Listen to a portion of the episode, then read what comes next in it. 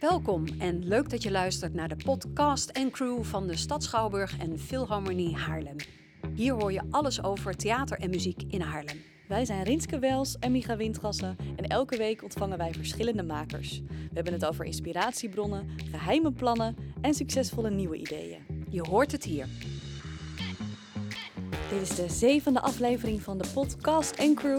Ik ben Micha Windgassen, muziekredacteur en presentator, met name in de klassieke muziekscene. En naast mij zit Rinske Wels, journalist en interviewer. Eh, en zij begeeft zich vooral in de wereld van het theater. Elke week hebben wij een bijzondere gast op bezoek. Ja, deze week is dat niemand minder dan de burgemeester van Haarlem, Jos Wiene. Uh, naast burgemeester is hij ook historicus, theoloog en politicus van het CDA. Vijftien jaar lang was hij burgemeester van Katwijk en inmiddels werkt hij alweer 4,5 jaar als burgemeester van Haarlem. Goeiedag. Welkom Jos. Ja, welkom. Goeiedag. Ontzettend fijn uh, dat je hier bent. Uh, we hebben afgesproken van tevoren even met elkaar dat we mogen tutoyeren. Zeker. dus heel fijn uh, ja, dat, u de tijd, dat, je, dat je de tijd wilde maken. Um, en helemaal in je witte broodsweken. Ja, ja, dat is waar, want ik ben nog geen week getrouwd. Gefeliciteerd. ja, gefeliciteerd. Ja, dankjewel. Kijk, kijk je terug op een mooie dag? Ja, het is eigenlijk bijna verbazingwekkend, want het zit midden in alle beperkingen van de coronatijd, lockdown. Dus je denkt, nou, jammer. Kan het zo'n feest kan niet zoveel. Uh, wij hadden eigenlijk, we hebben het drie keer uitgesteld. omdat we dachten, nou ja, je moet toch op zijn minst met elkaar een diner kunnen hebben. En, en nou ja, desnoods op een terras. Maar Iets. nou ja, ja. goed, uiteindelijk bleek dat uh, ook deze keer er niks kon. Maar we dachten, nou, we gaan ook niet door met uitstellen. Dus dan moet het nu maar. Uh, maar we hadden een prachtige ceremonie op het stadhuis. heel leuk. vervolgens in de BAVO, die was echt schitterend. Dat is zo'n mooie kerk, uh, mooie kerkdienst. En daarna hadden we een walking dinner, uh, helemaal binnen de coronaregels. Twee aan twee, uh, langs Haarlemse restaurantjes. En oh. nou, dat is in ieder geval alvast een hele goede reclame voor Haarlem als culinaire stad. Want iedereen was razend enthousiast. Heerlijk eten. En zo anders. En het weer viel ook nog mee. Dus uh, uiteindelijk hebben we toch echt een mooie dag gehad. Met er zijn uh, foto's van. Die zijn gelukkig, in tegenstelling tot uw uh, CDA-collega, wel helemaal corona-proof. ja. Zag dat er allemaal uit. Ja, ja, ja, ja, daar hebben we wel heel goed op gelet. Ja. en dan komt er nog een huwelijksreis? Nou, eerlijk gezegd, daar hadden we ook van gezegd van ja, daar zitten nu zoveel beperkingen aan. dat komt later. En dus we hebben, we hebben alleen een, uh, wat een, een prachtige hotelsuite. Uh, dus dat was ook heel erg leuk. Uh, maar geen huwelijksreis. En hoe hebben jullie elkaar leren kennen eigenlijk? Ja, oh, dat is best een, een heel verhaal. Ehm, maar de korte versie is dat Marjan was heel actief in mijn vorige gemeente, Katwijk. Dus die kwam je wel eens tegen bij verschillende gelegenheden. Hm. En wij waren allebei alleen. En op een gegeven moment uh, kwam zij uh, om over iets te praten. En toen kregen we het ook over het feit dat je nou, gescheiden bent en alleen bent. En nou ja, het was een, een heel leuk gesprek. Het klikte eigenlijk wel. En aan het eind hadden we zoiets van, joh, uh, een van de dingen die als je alleen bent minder leuk is, dat is alleen naar een bioscoop gaan. Is toch minder leuk als met z'n tweeën. Dus misschien kunnen we wel eens samen gaan. En dat beviel zo goed. het was trouwens, dat is wel een grappige anekdote. Na afloop gingen we eten, in Den Haag was het, in een uh, Frans uh, bistro. En het was een hele gezellige sfeer, er was een pianist, er werd gezongen en het was, het was gewoon heel leuk. Wij waren de laatste gasten en de, de ober was een hele leuke man, die had ook gezongen en zo. En Marjan die ging naar het toilet. Toen kwam die ober naar mij toe en die zei, uh, meneer, denkt u dat uw vrouw het goed zou vinden als ik haar uh, een zoen geef bij het afscheid. ik vind het zo'n leuk mens. ik zeg, nou, ik denk dat ze dat wel goed vindt. En ik dacht bij mezelf, nou ja. Ik wil die zoen geven. maar het was wel heel grappig. Ja. ja. En daarna hebben we heel veel gewandeld. Uh, en dan elke keer niet in Katwijk. Want uh, dat leek ons niet zo handig. Vanwege alle, ja. nou ja, gesprekken die je dan uh, krijgt. Dus uh, we hebben heel veel wandelingen gemaakt, vooral s'nachts in uh, duingebieden en zo in de omgeving. Mooi. En wow. dat was wel heel erg leuk. Een van de meest grappige dingen daarin was dat we een keer s'avonds gingen picknicken in de duinen, waterleidingduinen van Amsterdam. en ja, het was donker geworden en wij waren eigenlijk ergens gaan zitten zonder goed op te letten. Dus we hadden ook geen idee waar we precies waren en het was stikdonker. En wij gingen lopen, zo van nou, ongeveer die richting zal het dan toch moeten zijn. En wij kwamen in een veld met uh, allemaal brandnetels. Oh. En ik zeg, joh, dat is, uh, ja, dat kan natuurlijk niet. Dus uh, ik zeg, als jij nou op mijn rug gaat zitten, uh, dan, dan draag ik jou daar wel doorheen. Oh, dus, romantisch. Toen viel ja, als een blok voor, voor precies, je. Precies, nou ja, zo is het oh, wat een mooi verhaal. Ja. Wat goed. En dat heeft geleid tot een mooie bruiloft vorige week. Zeker, zeker. Gek. Ja, ja. En klonk er, nog, klonk er nog een beetje muziek op de bruiloft? Ja, wij hadden een, een prachtig lied in de Gravenzaal, in het stadhuis uh, van Milou Frenke. Uh, dat heet Wil je me dragen? Toepasselijk. dat is, is, zeker heel toepasselijk en, en ook een prachtig lied. Dat hadden we haar een keer horen zingen. En nou, via een podcast met Frank van der Linden. we kennen Milou Dat ook is haar wel. man. Precies. Uh, nou, kwam het erop over uh, dat het uh, wel heel leuk zou zijn als Milou wat zou zingen. En nou, dat wilde ze, dus nou, dat was prachtig. En in de kerk, nou, je hebt natuurlijk gewoon de, de liederen van de kerk, die zijn prachtig. Maar er zijn een paar bijzonderheden. in de eerste plaats heb je altijd als je binnenkomt en als je weggaat, muziek. En daar hadden we gedacht van, we zoeken muziek van een uh, componist die ook verbonden is met het orgel in de BAVO. De BAVO heeft een heel bijzonder orgel, Mhm. wereldberoemd. Dat was al vanaf het uh, begin. En een van de grote componisten die daar ook geweest is, naast Mozart, is Handel. Ah, Uh, die heeft ook zelf op dat orgel gespeeld. En eh, wij dachten, wij laten muziek van Handel eh, Oh, spelen. Nou, dat was ja. een suite, maar dat was prachtig. Met een trompet erbij. Echt, het klonk nou, schitterend. Ehm, verder heeft de organist eh, heeft een, eh, eh, ja, een muzikale bewerking van een liedje van Boudewijn de Groot eh, en van eh Nijg. eh, Lennart Nijg, stadsgenoten Nijg. ook. eh, Zeker, ja, dat was ook de- een beetje de knipoog eh, over ehm, Ik geloof eh, in jou. Avond heet dat. Ja, avond, precies. Dat was Heeft het. ook altijd hoog gestaan in de top 2000 bijvoorbeeld elk ja, jaar. ja, precies. Dus eh, nou, ja, dat heeft hij gespeeld. allemaal. Ja, prachtig. En dat heeft hij echt heel, eh, heel mooi gedaan, de organist. Want het is natuurlijk helemaal geen lied voor een orgel, maar het klonk prachtig. Het klonk echt prachtig. Eh, en tenslotte was er een lied wat dat we allebei heel erg mooi vinden. Pelgrimslied heet dat. Dat Zuid-Afrikaans van Amanda Strijdom. En prachtige dat is- zangeres ook. Ja, en, maar dat is ook zo mooi, dat, dat Zuid-Afrikaans. Dat eh, Ja. is echt poëtisch, dat is Ja. echt eh, schitterend. Dus dat eh, heeft een dochter van Marjan heeft dat gezongen. Mooi. En nou, het was ja, heel mooi. Ja, dat, dat hebben we helaas niet klaarstaan. We hebben ook wat toepasselijke muziek eh, uitgezocht. Want we begrepen dat u eh, inderdaad van klassieke muziek houdt. Dat dus we klopt. dachten, we leggen u een keuze voor. Waar heeft u zin in om te horen? Gaat u voor de, de Wedding March van, van Wagner? Hè? De ja, ja, ja. Heel bekend. Of Ja. kiest u voor een stuk wat u, eh, nou, waar ga ik toch weer u zeggen, waar je van houdt, eh, van Smettena, die Moldau. Eh, dan ga ik toch, hoewel ik, eh, dit is natuurlijk wel heel erg toepasselijk nu met de wedding, eh, maar ik vind die Moldau dan, dat, dat roept zoveel sentiment op bij mij ook van, van vroeger toen ik als middelbare scholier vooral de, de klassieke muziek begon te kennen en te verkennen en dat was een van mijn favorieten. Eh, zo ontzettend mooi. Ik weet niet hoe jullie eraan komen, maar eh, dat is, eh, dat, daar kies ik dan voor. Ja, gaan we daar een stukje van luisteren.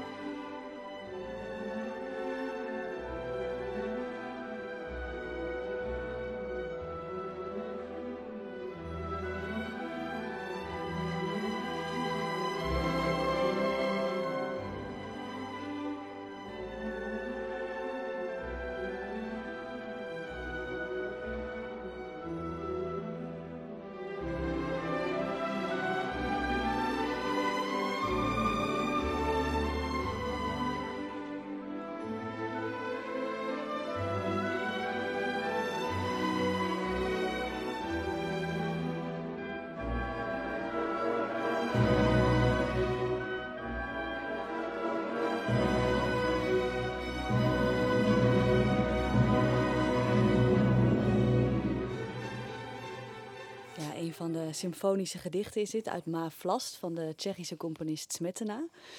Ja. Komt er iets terug bij? Ja, ja, en hier zit voor mij een heel speciaal eh, herinnering aan. ik heb de klassieke muziek thuis leren kennen. Eh, mijn vader was er dol op. Dus we hadden grammofoon en daar luisterde ik vaak naar. Maar ik heb ook muziek beluisteren gehad als vak op de muziekschool. En de meeste leerlingen vonden dat niet leuk, maar ik vond dat prachtig.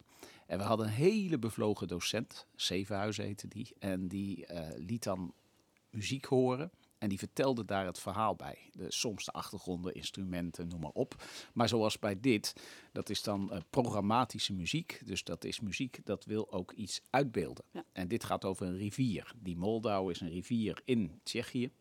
En, je, eh, en zoals hij dat dan vertelde, en dan luisterde hij erna en dan Dan zag je zo enthousiast. Dan stromen. zag je Ja, die ja. rivier en dan hoorde je die klank en dan dacht je, ja, verdraaid. En op een gegeven moment is er een boerenbruiloft Ja. en, en dan krijg je een waterval. En, nou, ja, kan dat is helemaal geweldig. Dus ik heb aan de ene kant dat ik dat dus ook heel erg herken bij deze muziek, omdat het zo prachtig beeldend werd uitgelegd. Maar ik zie als het ware die oude docent dan ook weer Mm. voor me.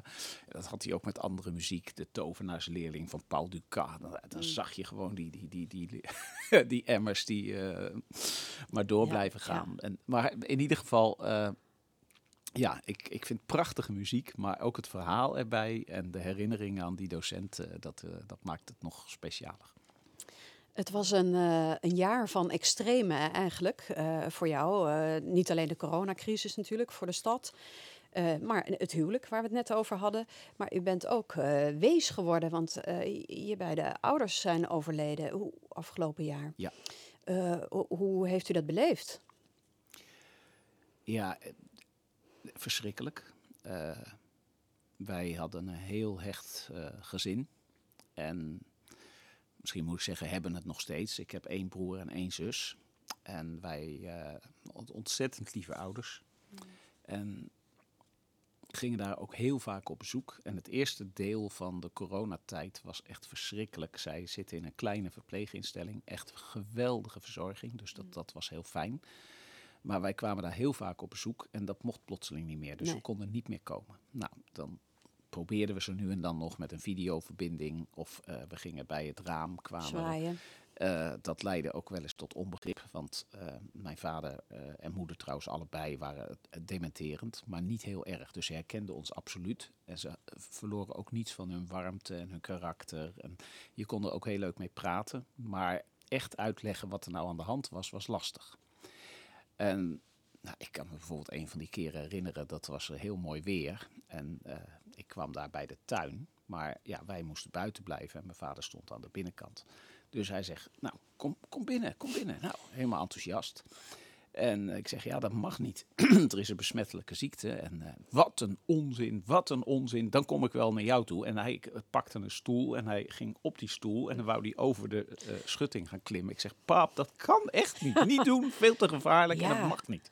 Nou ja, dus dat was ook nog wel weer eh, aardig. Ehm, daarna is mijn moeder ziek geworden, had niks met corona te maken. En die is, eh, daar mochten we uiteindelijk wel op bezoek komen. Dus daar gingen Oh, wij gelukkig. toen iedere dag naartoe. Maar dan mochten wij weer niet mijn vader zien. Dus die moest dan weggehouden worden eh, als wij er waren. Zij is overleden. En daarna kwamen ook weer eh, meer mogelijkheden. En wij hebben sindsdien elke dag mijn vader bezocht. De ene keer mijn broer, dan mijn zus, dan ik. Ehm, het was een, echt een hele bijzondere tijd. Een mooie tijd ook. En het was heel verdrietig dat eh, vlak voordat de, de vaccinaties Ja, zeg maar, daar ja. waren. Echt, echt vlak daarvoor. Dus een jaar lang is die ziekte buiten het huis gebleven. Eh, maar toen kwam die en eh, zijn bijna alle patiënten ziek geworden. Alle, alle bewoners. Ja. En een van de vijf die overleden zijn, was mijn vader. Ja, en dat, dat is een verschrikkelijk gemis, want het was, ja, het was een man die heel veel voor mij betekend heeft, sowieso. Maar ook een hele leuke, lieve, wijze eh, ja, man. Hmm. En eh, ja, dat is moeilijk om, eh, ja, om te accepteren dat je hem Nou, dan zie je het, het overleden. heftige spoor dat corona door onze Ja. samenleving trekt. Ja, zeker. ondervind je dan eigenlijk aan den lijve. Zeker, ja. Tegelijkertijd moet ik ook zeggen, als je er dan weer over nadenkt, hij is 89 geworden en ehm, het perspectief van zijn ziekte is natuurlijk dat het alleen maar minder wordt. Ja. En dan op een gegeven moment moet je ook zeggen, we zijn dankbaar voor alles wat, uh, wat we ontvangen hebben. En dat we er tot het laatst toe konden zijn. Mijn broer die is, uh, die heeft ervoor gekozen om te zeggen, dan ga ik gewoon met hem uh, daar blijven. Dus die is daar al die tijd gebleven van de, zijn ziekte. Wij mochten er niet bij, want het was natuurlijk quarantaine. Maar mijn Ja. broer zat daarbij. Die is zelf ook dus eh, ziek geworden, heeft ook Ah. corona gehad. Eh, maar hij was dus ook niet alleen. En dat, eh, Nou, dat is een mooie troost. troost. Ja, Ja. precies. Ja. Ja. Kan ik me voorstellen. Ja. Ja. Eh, Dat gezin eh, waar u uitkomt, of waar je uitkomt, ehm, warm, hecht, was daar veel ruimte voor eh, kunst en cultuur? Eh, in zekere zin, eh, maar wel, eh, eh, wat zal ik zeggen, op bepaalde aspecten gericht. Wij gingen echt zelden naar theater of zo. Maar muziek, dat vertelde ik al, klassieke muziek, dat was, ja, dat was voortdurend aanwezig. Daar was mijn vader heel enthousiast over. Waar dus hield wij hij luisterden- nou, van? wel de bekende componisten. Dus het was Bach, veel, veel Bach. Hij was dol op Bach, maar ook Beethoven, Mozart, Handel. Hm. Eh, maar daaromheen ook een hele serie van eh, de iets minder bekende grote componisten, zeg maar. Maar echt het hele klassieke eh, repertoire. En Stond dat dan altijd op bij u thuis? Ja, dat stond vaak op. Eh, niet overdag, maar s'avonds Mm. vaak. Wij keken niet heel veel televisie, Hm. maar er was heel vaak muziek. En zeker ook in het weekend was er veel muziek. Ehm, en wat een heel speciaal aspect is van cultuur, dat is mijn vader was dol op eh, architectuur. Eh, met name oude eh, kerken, kathedralen, maar ook paleizen, kastelen, bijzondere woningen. Dus op vakantie waren wij dol op de natuur, in de bergen lopen en dergelijke. Maar ook het bezoeken van bijzondere bouwwerken, steden bezoeken. En daar kregen we ook heel veel van mee. Ik ken veel mensen inderdaad die eh, in hun jeugd zijn meegesleept op vakanties naar bijzondere kerken of, eh Ja, of nou ja, dat klopt. En ik weet ook dat dat bij sommigen eh, bijna traumatisch ja, is. precies. Maar bij ons werkte het andersom. Mijn vader was bovendien, daar had hij een, een bijzondere gave van. Bij alle drie, de kinderen, die zijn helemaal meegegaan, zeg maar, in, in dat enthousiasme.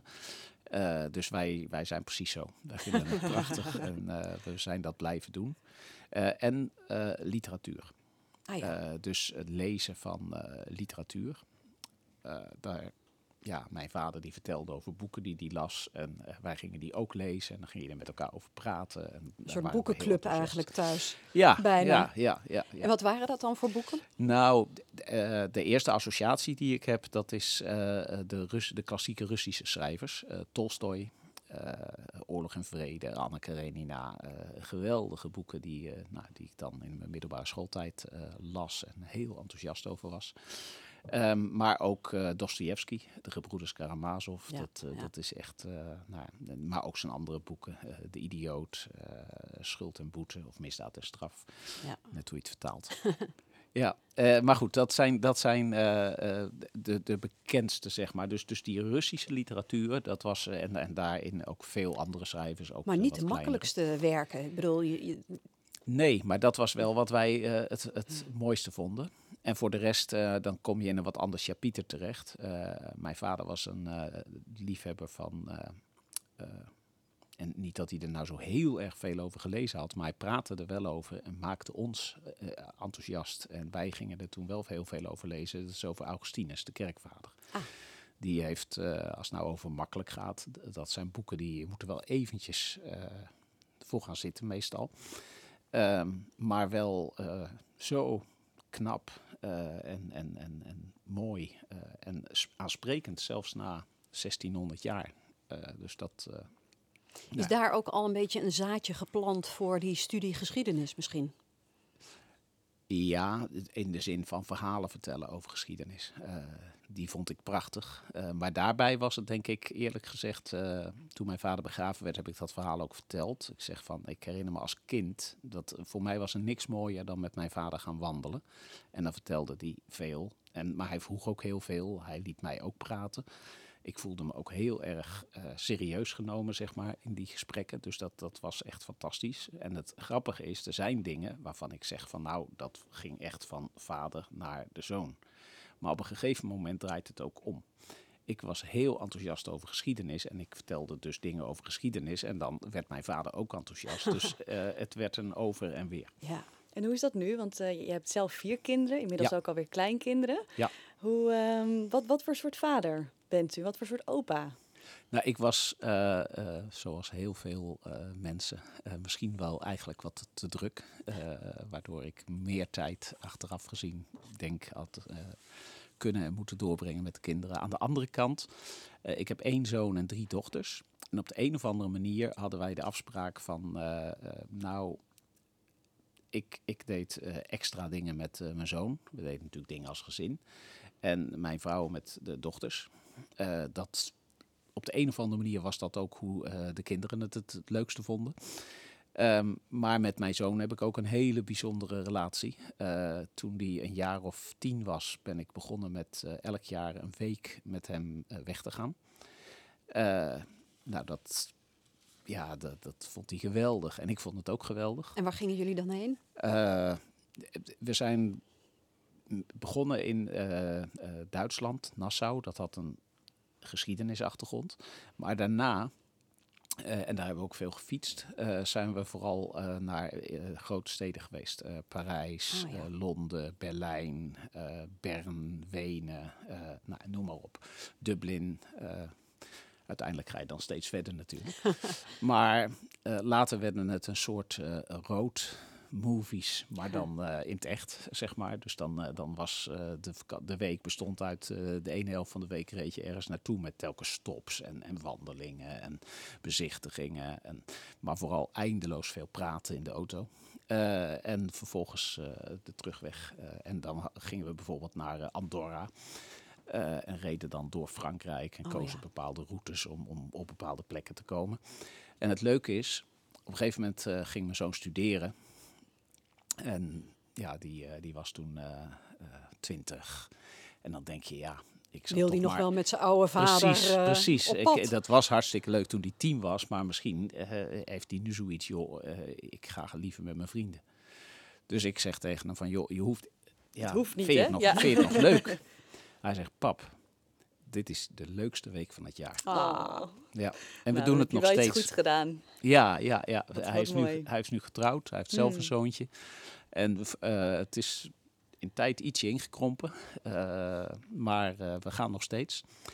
En vorig jaar hebben we het zoontje meegenomen. Ah, nou, die wordt ook al van jongs af aan eh, ja, ja, ja, ja. Een soort meegevoerd. Ja. We hebben weer twee fragmenten klaarstaan. Die eh, allebei eh, iets betekenen voor jou. Namelijk Met de vlam in de pijp van Henk Wijngaard. Dat mag dan zo even worden uitgelegd. Of ehm, Mijn vlakke land van Jacques Brel. Oh ja, dan kies ik toch. Het, het- het andere is ook heel grappig, maar ik kies dan toch voor Jacques Brel. Ja, want het andere luisterde je vaak in de auto, toch? Met vrienden. Ja, da- en, en dat was ook vooral iets van de vrienden. Want ik heb al verteld, ik was echt van de klassieke muziek. Eh, dus, en die wereld van de, de, de liedjes en de pop en de, de top, zoveel, eh, dat ging eigenlijk bijna helemaal aan mij voorbij. Maar ik had wel vrienden en dat was hun muziek. Ja. Dus, eh, en daarvan herinner ik me bijvoorbeeld met de vlammen in de pijp, de, de Brenner Pas en zo. Dus Henk dat, Wijngaard. Ja, kom dus er maar ik, in. ik ken het wel, maar dat was niet echt, dat was niet mijn muziek, was hun muziek. Maar Jacques Brel, dat was een ander verhaal. En hoe is die eh, Eh, op jouw pad gekomen? Nou, ik, ik weet niet eens meer precies wanneer ik hem voor het eerst gehoord heb, maar dat was dit lied. En ja, dat was gewoon bijna eh, een, een positieve klap in mijn gezicht. Dat ik zoiets had van, wauw, Wauw, dit is er. wat is dit mooi en knap. Ik heb dat later nog een paar keer gehad, dus je bent helemaal in de wereld van de klas- klassieke muziek. En dan kom je plotseling bijvoorbeeld ehm, Leonard Cohen eh, eh, tegen en met een lied. Wellicht komt hij later nog langs. Oké, oké, oké, oké. Maar dat is ook zoiets van, nou ja, jongens, wat is dit fantastisch. Ja. En dat is zo leuk, omdat het dus eigenlijk eh, uit je comfortzone van de, de, de, de eerste, nou ja, bekende muziek is. Ehm, maar dat je helemaal erdoor wordt gegrepen. En bij Jacques Brel heb ik dat zeker. Ik heb later ook heel veel andere liedjes van hem gehoord, maar ik, ja... Dat eerste, die eerste kennismaking, dat Ja, blijft ja, het ja meest... en, en wat ook heel bijzonder is, hij heeft natuurlijk heel veel ook in het Frans gezongen. Maar dat dit eh, een, een lied was in dat prachtige Vlaams, ja, het is echt heel mooi. We gaan er naar luisteren. Wanneer de Noordzee koppig breekt aan hoge duinen en witte vlokken schuin uiteenslaan op de kruinen wanneer de Norse vloed beugt aan een zwart basalt en over dijken duin de grijze nevel valt. Wanneer bij Ep het strand woest is als een woestijn en natte westenwinden gieren van venijn dan vecht mijn land mijn vlakke land wanneer de regen daalt op straten, pleinen, perken, op dak en torenspits van hemelhoge kerken, die in dit vlakke land de enige bergen zijn. Wanneer onder de wolken mensen dwergen zijn, wanneer de dagen gaan in domme regelmaat en barre oostenwind het land nog vlakker slaat, dan wacht mijn land, mijn vlakke land, wanneer.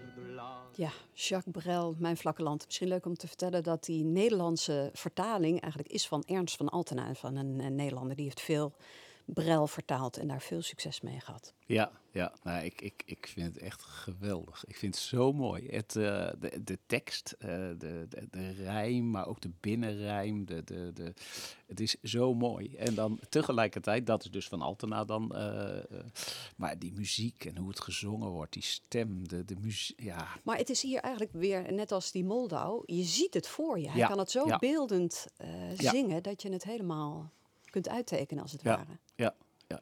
Dit nummer werd ook eh, voor jou gezongen bij je afscheid na je burgemeesterschap in Katwijk, waar Ja. je 15 jaar burgemeester bent geweest.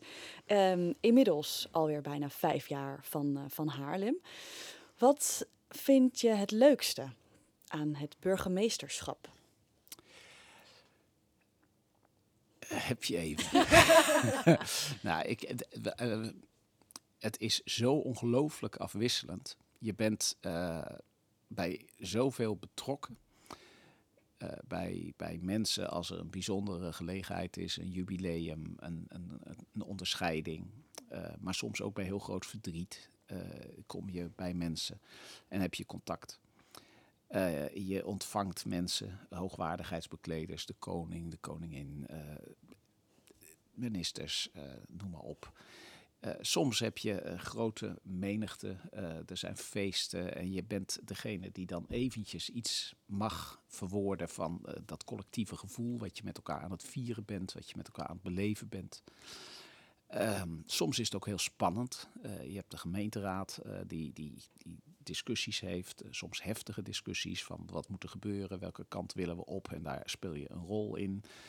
In het college heb je ook een, een inhoudelijke inbreng bij de discussies eh, over wat er gebeurt in de stad. Eh, en als je die stad dan goed kent en steeds beter leert kennen, eh, dan worden dat ook steeds meer vragen die, eh, ja, waarvan het boeiend is om erbij betrokken te zijn. Van, van eh, waar investeer je in? Eh, waar moeten we helaas toch minder geld eh, aan besteden? Eh, proberen dat uit te leggen. Eh, de emoties van mensen als het gaat om veiligheid. Dat is ook een heel spannend iets met de bevoegdheden die burgemeesters hebben eh, om iets te doen. En dan ook het gevoel te hebben, ja, mensen verwachten ook dat je dan iets voor ze betekent en iets doet. Eh, en dat is, eh, nou, dat kan, dat kan echt ook spannend zijn, omdat je zit in een krachtenveld waar, waar je een, een keuze maakt en, en waar je beslissingen neemt die ertoe doen voor Ja. mensen. Ehm,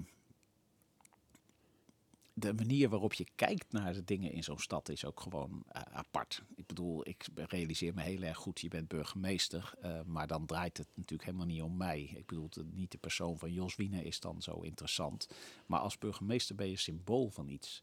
En dat voel je ook. En dat, dat, ja, dat geeft een heel speciaal gevoel. Als ik hier langs de Philharmonie loop, eh, dan zou ik er langs kunnen lopen eh, op de manier van eh, ja, mooie dingen die hier gebeuren, mooie voorstellingen die ik heb bijgewoond. Maar ja, als burgemeester ben je ook gewoon trots dat dit van jouw stad is. Eh, Dat je zo'n mooi gebouw in je stad hebt. Eh, dat, dat, ja, dat soort dingen. Of op de grote markt, als je daar eh, rondkijkt en denkt van wauw, dit is zo mooi. Dat plein, eh, die, die, die Bavo, het stadhuis, eh, de bebouwing, de grote houtstraat, als je die dan inkijkt.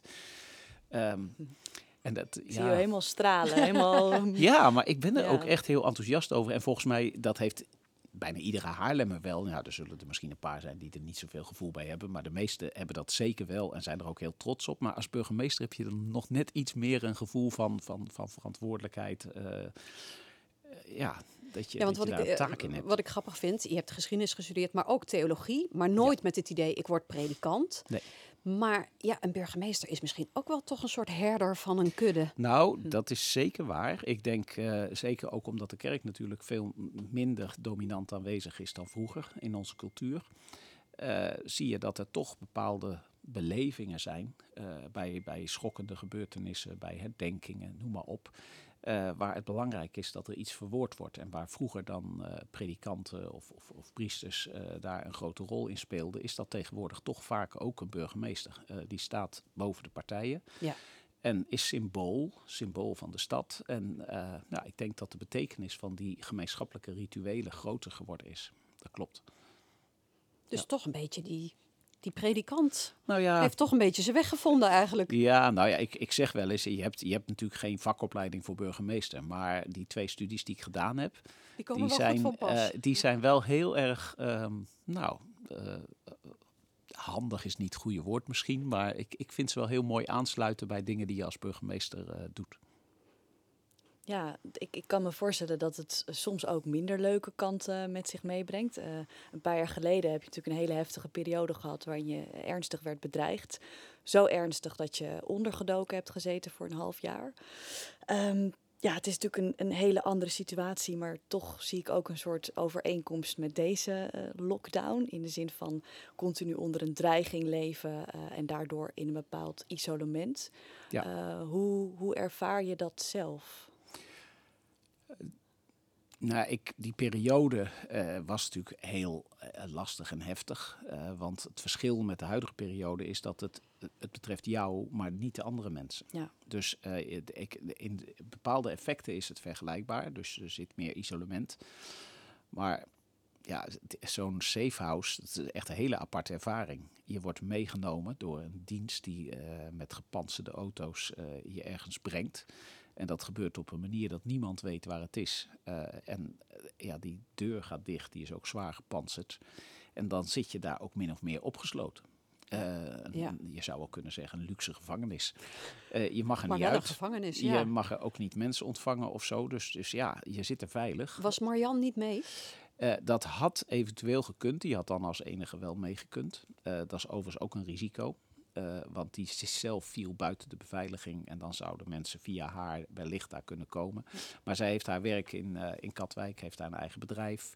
Eh, en dat was gewoon niet goed te combineren. Dus uiteindelijk is zij niet meegegaan. Betekent dat ook dat jullie elkaar bijna niet hebben gezien, dat half nou, jaar? ik kwam, ik, want dat was wel het mooie. Ik kon wel overal naartoe gaan. Oh. Dat werd dan door de, de dienst Koninklijke en Diplomatieke Beveiliging werd dat gecheckt.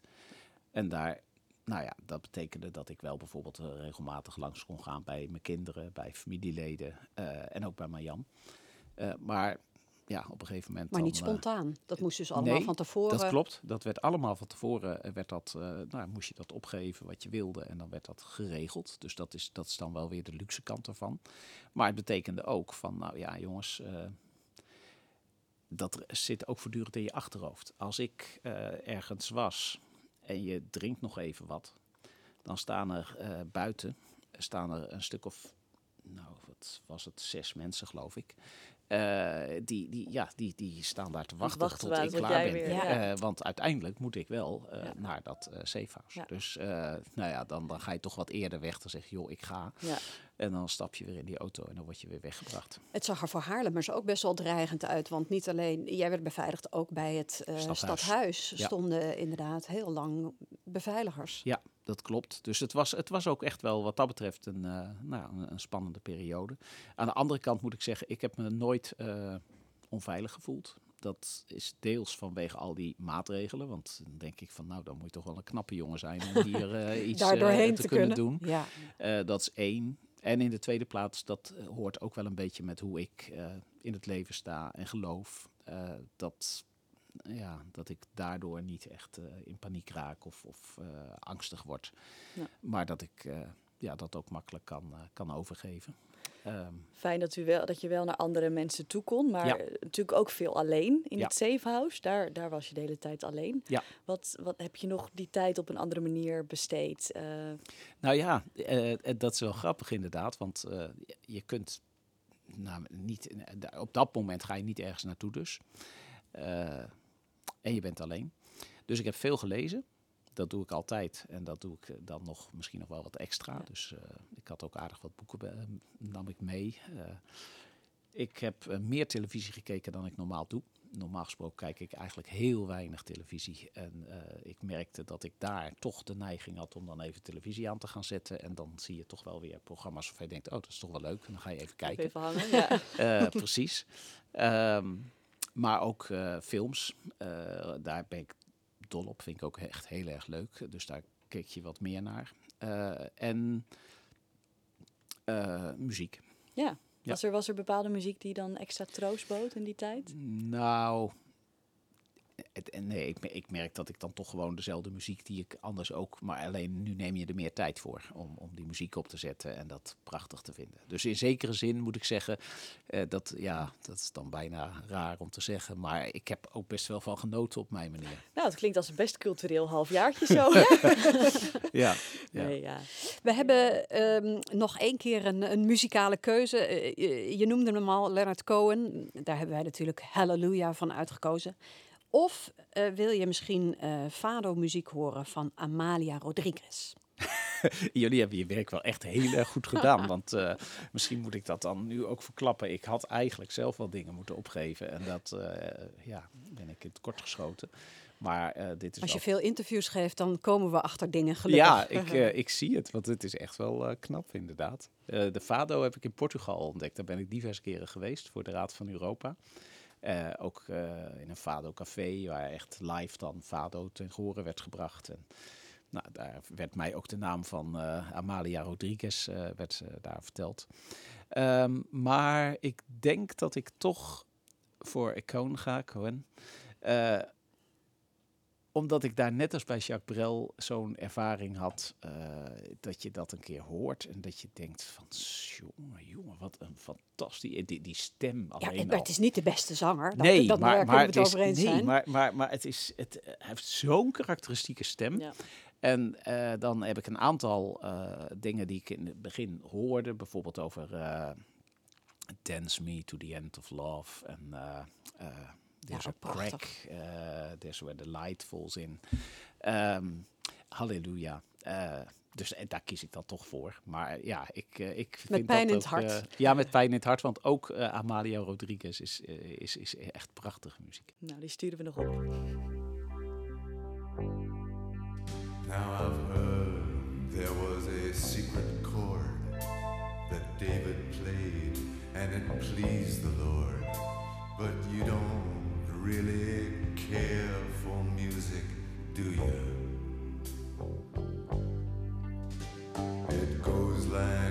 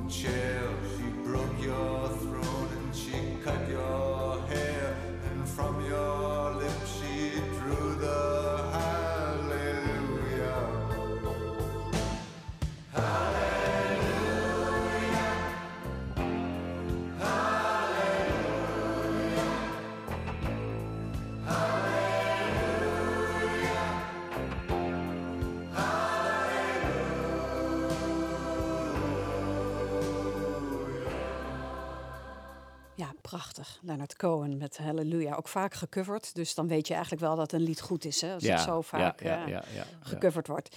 Ehm, je woont inmiddels dus zo'n vijf jaar in Haarlem. Bevalt het? Leuke geweldig, stad? Geweldig. Ik, eh, dit is wel grappig. Ik ben hier precies halverwege tussen mijn werkplek en mijn woonplek. Eh, en ik loop hier dus elke dag langs. En Hier elke is de dag- Philharmonie nog De even. Philharmonie, Ja. ja, ja, ja, ja. Sorry, ja, dat moeten Zien de mensen niet bij Nee, eh, nee, als het nee. een podcast is. Maar ehm, elke dag dat ik die wandeling maak, de ene kant uit en de andere kant uit maak, denk ik weer bij mezelf: wauw, wat een feest om hier te mogen wonen en werken. Eh, ik woon aan de Bakenessengracht. eh, ja, dat is ook een prachtige- gracht. Prachtige gracht. Je steekt de brug over, steeg je door. Nou, dan kom je hier langs en dan heb je de grote markt eh, met wat ik net al vertelde, Ja. de Bavo, het stadhuis. Ik vind het echt fantastisch. Maar als je wat meer tijd hebt en je maakt een wat grotere wandeling, heel die binnenstad is één prachtige monument eigenlijk. Ja, nog meer favoriete plekken? Zeker langs het Spaarne is natuurlijk ook ontzettend mooi. Eh, is, is, ja, en wat ik ook wel echt heel erg leuk vind, is de Vijfhoek. Die, Ja. die, die smalle straatjes met al dat Cafeetjes groene, en, eh, een hele bijzondere sfeer. Ja, Eh, ja, ik vind Haarlem is echt, echt, eh, heeft een fantastische binnenstad. En het is ook leuk overigens om dan te ontdekken dat die stad in zijn omgeving en met zijn andere wijken eh, ook hele mooie en aantrekkelijke kanten heeft. Eh, Schalkwijk, waar soms van gezegd wordt van nou ja, dat is dan wat minder. Maar dat ja is staan veel ook mooie huizen. En inderdaad heel groen. En de, de molenplas. eh, Absoluut, daar heb je die, die, die, die groene randen zeg maar, van Haarlem. Ja. Heel erg mooi. Nou, als je naar de westkant gaat, dan zit je natuurlijk zo in het duingebied. Het ook bijzonder fraai eh, aan de zuidkant met de Haarlemmerhout. Eh, terwijl Haarlem-Noord, eh, dat is misschien ietsje minder bekend, maar er zitten ook echt ja, daar schitterende woon ik. wijken. Niet Ja. te veel. Nee. Nee, ik, Haarlem is echt een fantastisch mooie stad. In een hele mooie omgeving. Ja. Het afgelopen jaar bestond Haarlem eh, 775 jaar. Het zou eigenlijk een, een jaar worden hè, met, eh, in de geschiedenis met allemaal mooie eh, jubileum-events. Eh, Ja. Kunnen we daar nog op wachten of moeten we weer... Nou ja, komen die er nog aan? Nou, sommige zullen zeker nog worden opgepakt, maar de echte viering is gewoon, ja, we hebben geprobeerd er nog wat van te maken en dat is, vind ik, best nog wel aardig gegaan, maar het is natuurlijk in de verste verte niet wat je eigenlijk had gewild. Ja, dat is jammer, maar dat is niet anders. Maar er is een prachtig lied Nou. gemaakt. We hebben... ja, Die dat hebben we hebben we klaarstaan. klaarstaan. Oh, kijk eens aan, kijk eens aan. Ja, nou ja, Iets dat, moois dat, wat wel is doorgegaan. Precies, Ja. eh, dat was wel heel erg leuk. En ehm, we hebben toch met eh, tentoonstelling, eh, prachtige tentoonstelling over de geschiedenis van Haarlem, eh, is, is aandacht aan besteed. Ja. Eh, maar ja, je had liever eh, die, een paar van die wat grotere eh publiekszaken gehad, waar heel veel mensen op af konden komen. Concerten eh, op de grote markt. Ehm, misschien wel een toernooi eh, op, de, op de grote markt, zoals het ook bij 750 jaar Haarlem gebeurd is. Ja. Ehm, dus dat is, eh, ja, dat is jammer, maar dat was onmogelijk. Ja, precies. Ja, En nou, er ja. is dus wel een heel mooi, eh, mooi lied gemaakt. U had de opdracht gegeven aan Roel van Velsen Ja. om een ode aan Haarlem te schrijven. Dat heeft hij echt- gedaan samen met Veldhuis en Kemper, ook eh Haarlemmers allebei. Ja, echt heel erg leuk. En wat ik ook heel erg leuk vond, ja, want ze hadden aan mij, hij had aan mij gevraagd van, nou, ik vind het dan leuk om een soort inspiratiegesprek te hebben. Dus ik, ik ga het doen, maar kom eens over Haarlem praten. Ja. En nou, dat deed ik met enthousiasme. Dus eh, dat deden we in de BAVO trouwens. Daar zaten we en eh, hij eh, zat te schrijven en we praten erover. En dat hoor ik ook weer terug in dat lied. Dus ik heb er ook wel weer een heel speciaal gevoel bij. Ja. Ja. mooi. Hij had gezegd, ik wil wel met, met jou als historicus van tevoren nog even de Ja. verhalen van Ja. Haarlem. eh, Ja. Nou, laten we, laten we een stukje luisteren. Ik zie